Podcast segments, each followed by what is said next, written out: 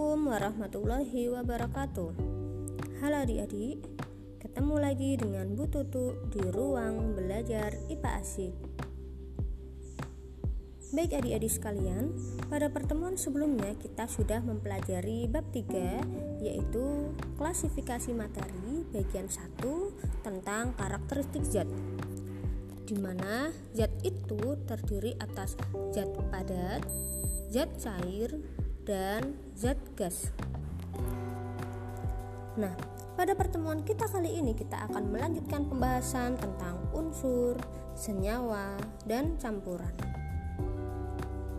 Baik, adik-adik, adakah dari kalian yang pernah membuat air kopi?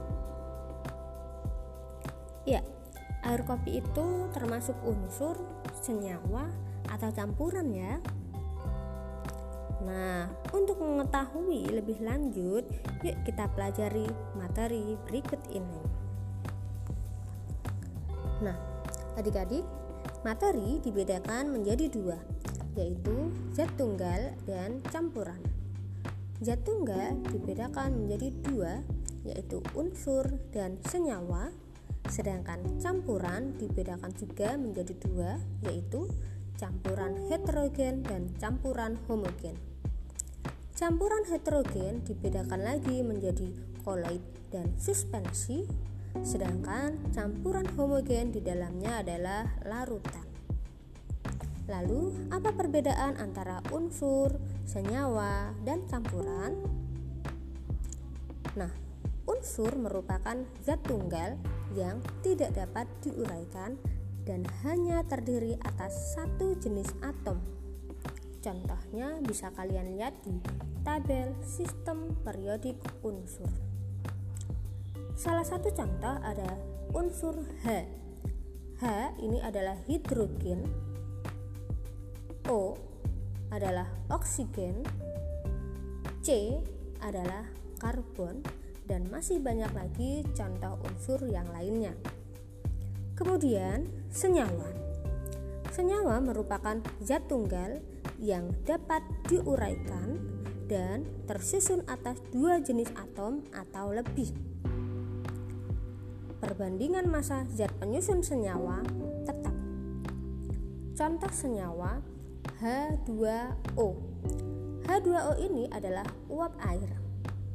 Uap air tersusun atas unsur H dan unsur O, di mana unsur H-nya ada dua dan unsur O-nya ada satu. Maka H2O ini tersusun atas dua atom unsur H dan satu atom unsur O. Kalau misalkan kita memiliki H cuma satu, kemudian O-nya juga cuma satu, maka tidak akan terbentuk H2O. Yang terbentuk adalah HO HO ini tidak bisa kita sebut sebagai uap air. Maka untuk membuat uap air ini kita memerlukan dua atom unsur H dan satu atom unsur O. Tanpa itu kita tidak akan bisa membuatnya. Inilah mengapa perbandingan massa zat penyusun senyawa itu harus tetap. Kemudian yang ketiga, campuran. Kalau tadi unsur dan senyawa merupakan zat tunggal, campuran ini bukan zat tunggal. Campuran dapat diuraikan sama halnya dengan senyawa yang dapat diuraikan. Namun, campuran tersusun atas dua jenis atom atau molekul atau lebih. Artinya, campuran ini dapat tersusun atas atom atau unsur, molekul atau senyawa atau dua-duanya gabungan antara unsur dan senyawa. Kemudian, perbandingan massa zat penyusun campuran itu tidak tetap. Contohnya kita membuat air kopi tadi, mau diberikan satu sendok gula atau dua sendok gula yang terbentuk tetap air kopi. Sama juga dengan teh.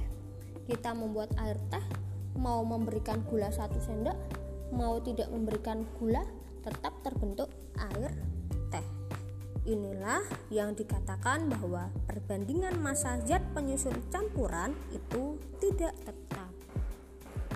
Nah, adik-adik, Itu tadi perbedaan antara unsur, senyawa, dan campuran. Sudah paham? Atau ada yang mau ditanyakan?